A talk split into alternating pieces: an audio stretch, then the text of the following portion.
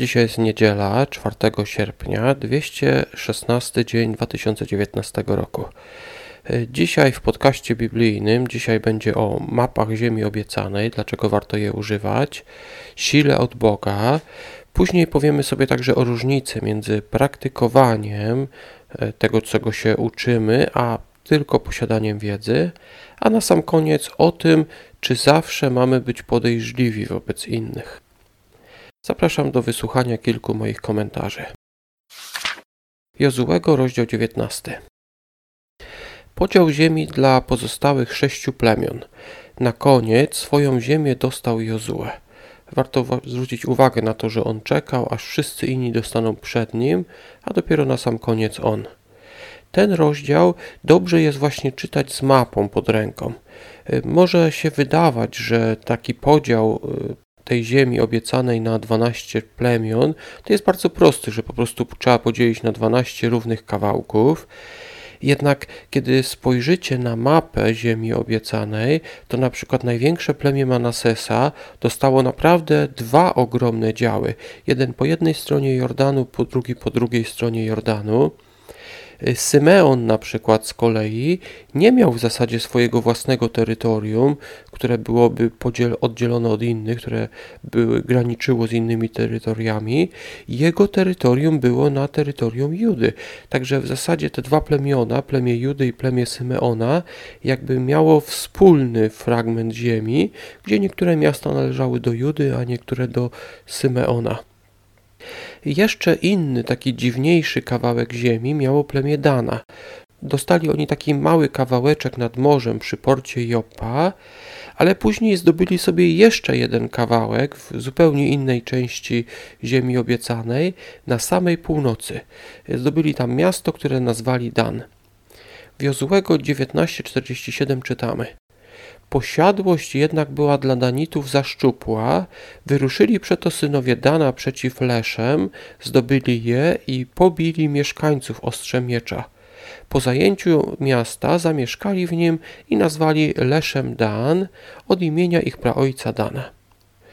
O zdobyciu tego miasta będziemy czytać później więcej, więcej szczegółów będzie w Księdze Sędziów, ale może warto przypomnieć, że terytorium Izraela, czyli ziemia obiecana, często była jako określana jako ziemia od Dan do Berszeby.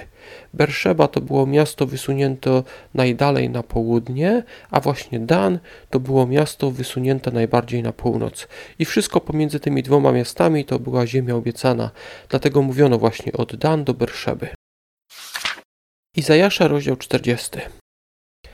Ten rozdział to najpierw obietnica wyzwolenia Izraela, a później opis chwały Boga, który przewyższa ludzi, bożki czy nawet całe narody. Bóg w swojej mocy wie jednak, że my zniechęcamy się, dlatego ostatnie trzy wersety są bardzo pokrzepiające. One mówią tak. Izajasza 40 rozdział, wersety 29 do 31. On dodaje mocy zmęczonemu i pomnaża siły omdlałego. Chłopcy się męczą i nużą, chwieją się słabnący młodzieńcy. Lecz ci, którzy zaufali Panu, odzyskują siły, otrzymują skrzydła jak orły, biegną bez zmęczenia, bez znużenia idą. Ci, którzy zaufali Bogu, otrzymają siły pokonujące zmęczenie, znużenie itd., tak bo On, czyli Bóg, dodaje mocy zmęczonemu i pomnaża siły omdlałego. Ci, którzy ufają Bogu, odzyskają siły, będą biec bez zmęczenia, będą iść bez znużenia. Rzymian, rozdział drugi. Rada, aby nie osądzać. Nawet niewierzący mają sumienie i dlatego też nie należy może ich osądzać.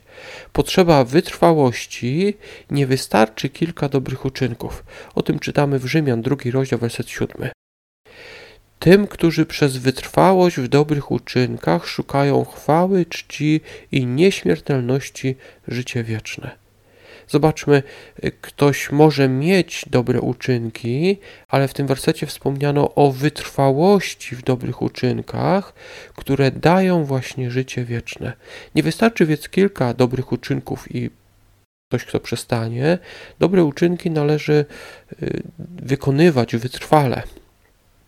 Y, dalsza część mówi więcej na ten temat, że Bóg ceni nie teoretyków, ale tych, którzy wprowadzają jego zasady w życie.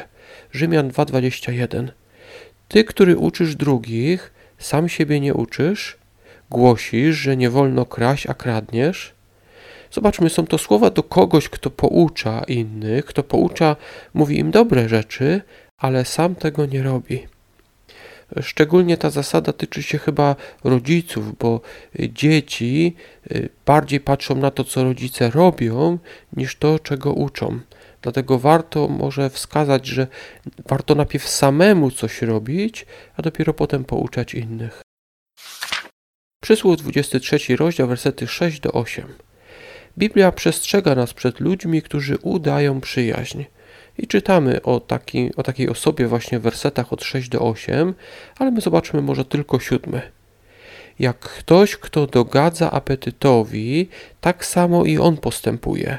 Jedz i pij, mówi do ciebie, a w sercu ci nie jest przychylny. Ktoś opisany tutaj jest to taka osoba, która zaprosiła na posiłek, zachęca do jedzenia, ale wcale nie jest przychylna. Czy to znaczy, że powinniśmy być zawsze czujni, że jak ktoś nas zaprosi i okazuje się, mówi takie miłe słowa, to my musimy być czujni, musimy e, uważać, że może on tylko oszukuje?